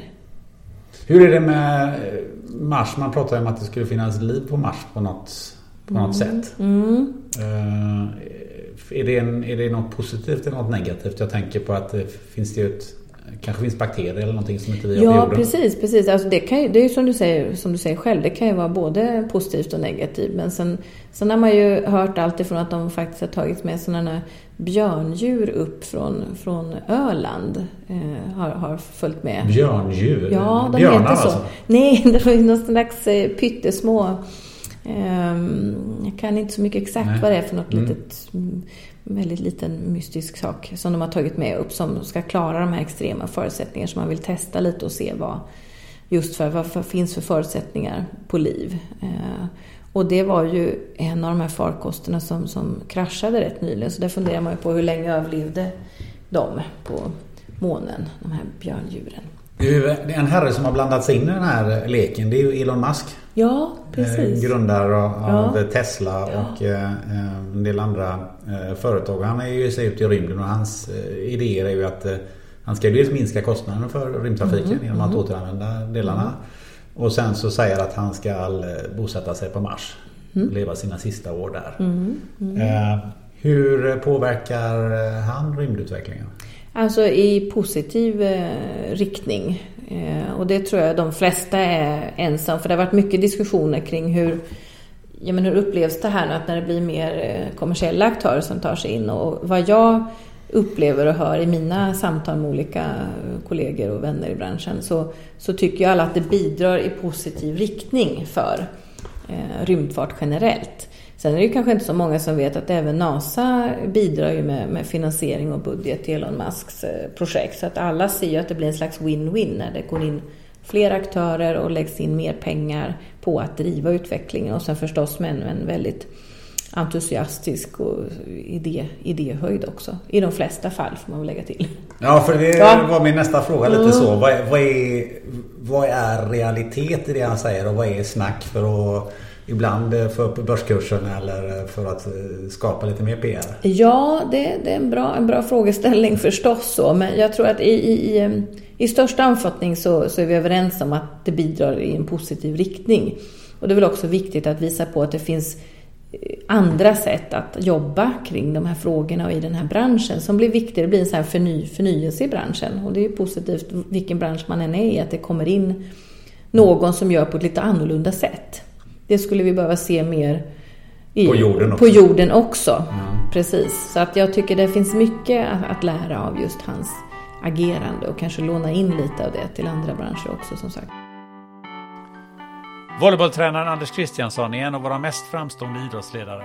Här kommer den osannolika historien i komprimerad form om hur Sverige på några år tog sig från botten till världstoppen. Och... Eh, Men det här visar- de trodde ju på det jag sa. För de, vad, vad, vad ska man säga? Vad, vad är alternativet? Och, och jag, inte bara att de trodde. Jag tror att jag hade bra svar. Det måste jag ju tycka att jag hade. Man måste ju paketera saker och ting och sälja saker. Det är ju, hela tränarskapet handlar ju om att vara säljare. Alltså sälj dina idéer och sälj vad du nu ska åstadkomma för något. Så man, man inte kan få folk att köpa det du vill att de ska göra. Att, så att de verkligen tror på det, verkligen med sig själva. Så, det här är ju enda vägen ungefär. Så det måste ju vara så lite halvreligiös upplevelse liksom. That's the way. Då kör man ju fullt ut för att det, det är här som gäller. Här är någon som hjälper mig att göra det bästa vi kan komma på att göra och då... Du var en Ja. bra säljare helt enkelt. Ja, det tror jag. Och sen måste du ha, alltså, ni hade ju väldigt små medel. Ja, men då vann vi, men när vi, gjorde, ja, vi hade små medel. Det var ju också, det gjorde jag en devis av att göra mer av mindre hette det. Långt innan Morris Less var allmängods. Mm. Men hur göra, gick det göra till? mer av mindre. Ja, men det var ju det här som... Alltså, vi har inte råd med massa extravaganser. Vi har inte råd att ligga på något hotell. Utan vi, vi vill åka och spela, vi vill träna. Vi var på Åsens gård och låg då på de här madrasserna, fem centimeter tjocka eller vad det kunde vara, med en halv meters mellanrum. Det, det tog upp hela vinden på Åsens gård. Där låg det 14 man. I Vingåker? Ja, alltså bredvid på golvet bara. Det fanns ingen annan plats. Det fanns ingen, ingenstans att sitta på. Det var bara madrassen på golvet. Så fanns det ett uppehållsrum. Som TV, det fanns en TV, sån här svartvit TV som funkade för att någon stod bakom och höll i antennen på den. Men det var ingen som orkade göra nästan för vi tränade ju som galningar liksom. Så var vi bara ligga ner och vila ungefär. Och sen, och sen käkade vi på mjölkbaren där i Vingåker. Hade ordnat så vi, vi fick mat liksom. Men... Eh, nej, det var bara träning som gällde. Och där var det, fanns inget annat än det som jag visste var bäst. Så skulle det göras till det var bra liksom. Det, var, det vart ju efter ett tag lite sån här intern joke över det hela. Om, om vi skulle vara med i Guinness rekordbok ungefär. Så det fanns nog ingen som körde så långa träningar som vi gjorde. Hur långa var de? Nej, det vet jag inte. Det varierar med vem du pratar med. Det var någon som kom med någon siffra någon gång till mig och sa något, nej, det där tror jag är en skröna. Så, så där mycket höll vi nog inte på. Det var någon som sa att vi körde nästan fyra timmar eller vad det var. Och så där, vet inte. Men alltså tre timmar och, och plus det, det var ju säkert vardagsmat. Att vi gjorde i rad. Och sen några gånger om dagen. Så att, eh, Men det är fantastiskt och sen så eh, om vi hoppar lite så så kvalade vi in till OS eh, och var med i Seoul eh, 88 då. Men Eh, 87 ska du inte hoppa över för det var en, det tror jag var det stora året. Då var vi nog som bäst nästan.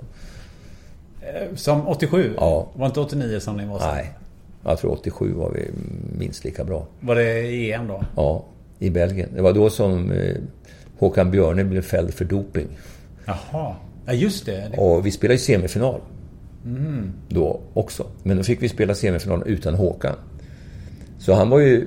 Vi var ju där och vi var jäkligt gröna och var med i sådana här sammanhang och vad som gällde. Vi hade ju... Och, så vi åkte dit och sen fick, blev Håkan sjuk då och hade öroninflammation. Och så fanns det sån här eh, eh, chefsläkare för turneringen. Det var en ryss och en barsk. Där. Och vi var där och frågade eh, om vi skulle göra för att vi visste... Jo, just vi hade lånat en läkare med oss. Och, men han visste inte hur det gick till där. Så. Men han visste vad som, vilken medicin som skulle behövas för att öroninflammationen skulle läka. Ja, sa ryssen. Det, just det, den medicinen, det är bra. Den, den skulle man ta till det här. Sen för varje match, du vet, så ska man lämna in om man har några som går på medicin när man spelar mästerskap. Så vi fyllde i vår lista. Den här och det här, den här och det här, den här och det här. Och vi fyllde även i vad Håkan fick. Och sen efter varje match så drog man ju då två stycken eller något sånt där, tre eller fyra, som skulle vara dopingkontroll på. Och efter fem matcher eller vad det nu spelade, var stor, jag, två, jag tror det var två sexlagsgrupper man spelade på den tiden. Och så kom de fram. Oj, han har ju det här, det är förbjuden substans. Ja, men det har ju vi anmält. Ju Farbror Kuznetsov, eller vad han nu kan heta, har ju sagt att det, är, visst, det var ju okej. Nej, det, det var ett jävla liv. Och så, och nej, det var inte så här. Så då var vi upp till honom och begär audiens och komma dit. Nej, men du sa ju att du skulle göra så här. Nej, jag har aldrig sagt.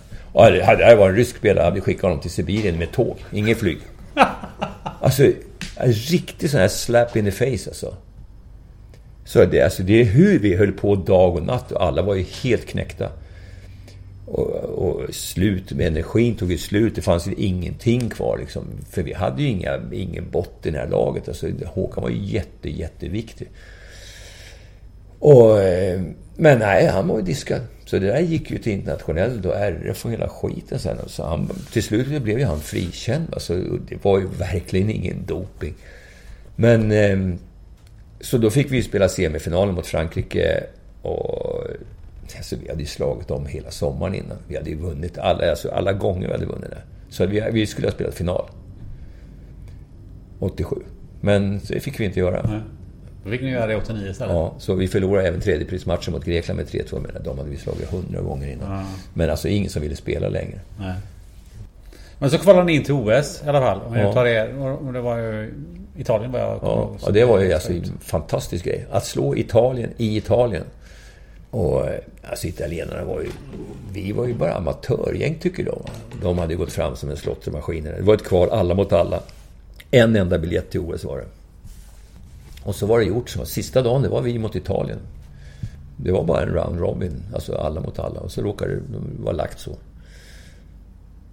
Och vi gick in och liksom... Ja, helt klippte de där med 3-0 alltså, i Italien. Det var ju dödstyst på... Alltså, det var ju sån sensation så var det inte sant egentligen alltså. Och sen åkte ni till OS då? Ja, sen åkte vi till OS. Och hela den sommaren åkte vi runt överallt. Vi var i Ryssland och vi var i USA. Alltså USA var ju jättetända på oss efter att vi slagit dem. Vi skulle Mm. dem. Men de hade ju redan, på den tiden, hade ju börjat med computers och grejer. Och det hade ju inte vi, och sådana där grejer. Så de scoutade oss. Så de- de köpte ju över oss för att bara scouta oss, tror jag, där. De insåg att vi skulle vara ett hot. Mm. Men jag, i efterhand har jag kommit fram till att jag tror att vi... Eh, vi körde slut på oss den sommaren. Vi gjorde för mycket. Alltså, vi, var, vi, vi visste inte hur man skulle hantera det där riktigt. Och det vart för stort tror jag för oss. Att vi gjorde för mycket. För, vi spelade massor, alltså hela den sommaren. Det, Men då blev ni sjua i OS? alltså? Ja, men alltså vi var bättre. Egentligen var vi bättre. Jag skulle tro att vi var bland de fyra bästa egentligen. Mm. Vi var ett av världens fyra bästa lag, absolut. Och sen kommer vi till den här eh, fantastiska 1989. Ja. Och eh, några grejer jag funderar på där. eh, vi, tar oss, vi kan ta oss direkt till den här, den här semifinalen mot, mot ryssarna. Mm. Det var väl det enda laget som ni aldrig hade slagit någon gång? Oh, jag tror vi hade slagit dem någon gång, men det är jag inte helt säker på. Men det var inte i något, inte i något mästerskapssammanhang. Mm. De hade ju inte som sagt förlorat på vad det nu var, 26 år eller 23 Hur gick år. tänket innan den matchen? Rent, om vi bortser från det taktiska som vi kanske inte ja. lyssnarna kan hänga med på riktigt. Men just det här eh, ja, men jag mindsetet. Har all, jag har alltid trott på... Alltså... Jag brukar vara lite så här pessimist. Nej, men vi är inte så bra. Alltså det här långsiktiga eller övergripande. Vad siktar ni på? Jag kommer ihåg att innan turneringen sa jag att vi kan slå alla. Det, det, mm. vet jag att jag sa i presskonferenser och sånt där. Och det tyckte ju folk var uppkäftigt. Och jag tyckte, nej, jag, jag, jag tror att vi kan slå alla. Men annars så brukar jag vara så att jag ser alltid en möjlighet före varje match. Ja, det är nästan var, vilket lag jag än har haft, var än har varit. Så, ja, men om vi bara gör så här. Om vi bara servar där, liksom, om vi bara blockar så här, bara gör så här i försvaret, bara vi anfaller på det här viset. Så vinner vi nästa boll. Så det, man bryter ner det till liksom små bitar hela tiden.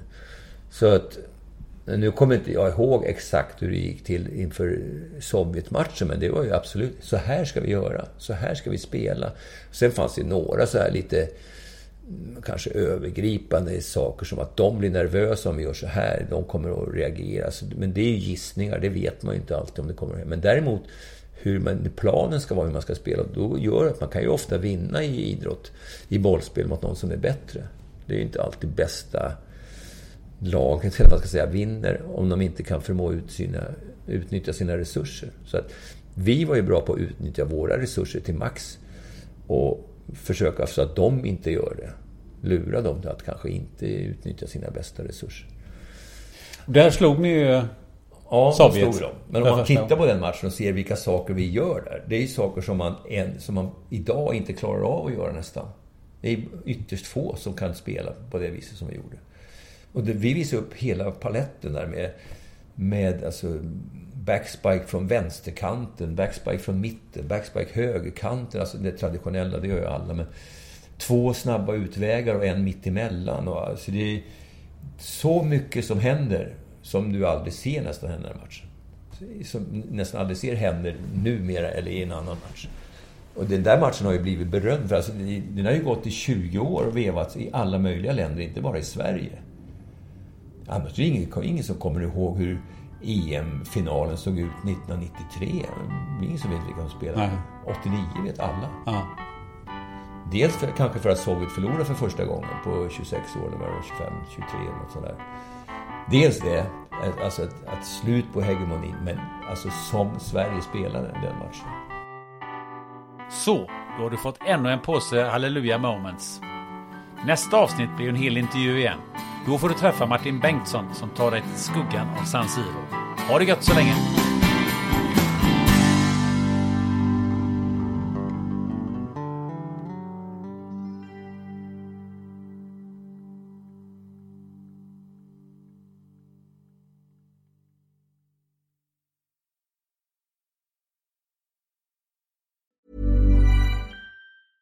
Ever catch yourself eating the same flavorless dinner three days in a row? Dreaming of something better? Well, HelloFresh is your guilt-free dream come true, baby. It's me, Gigi Palmer. Let's wake up those taste buds with hot, juicy pecan-crusted chicken or garlic butter shrimp scampi. Mm. Hello Fresh. Stop dreaming of all the delicious possibilities and dig in at HelloFresh.com. Let's get this dinner party started.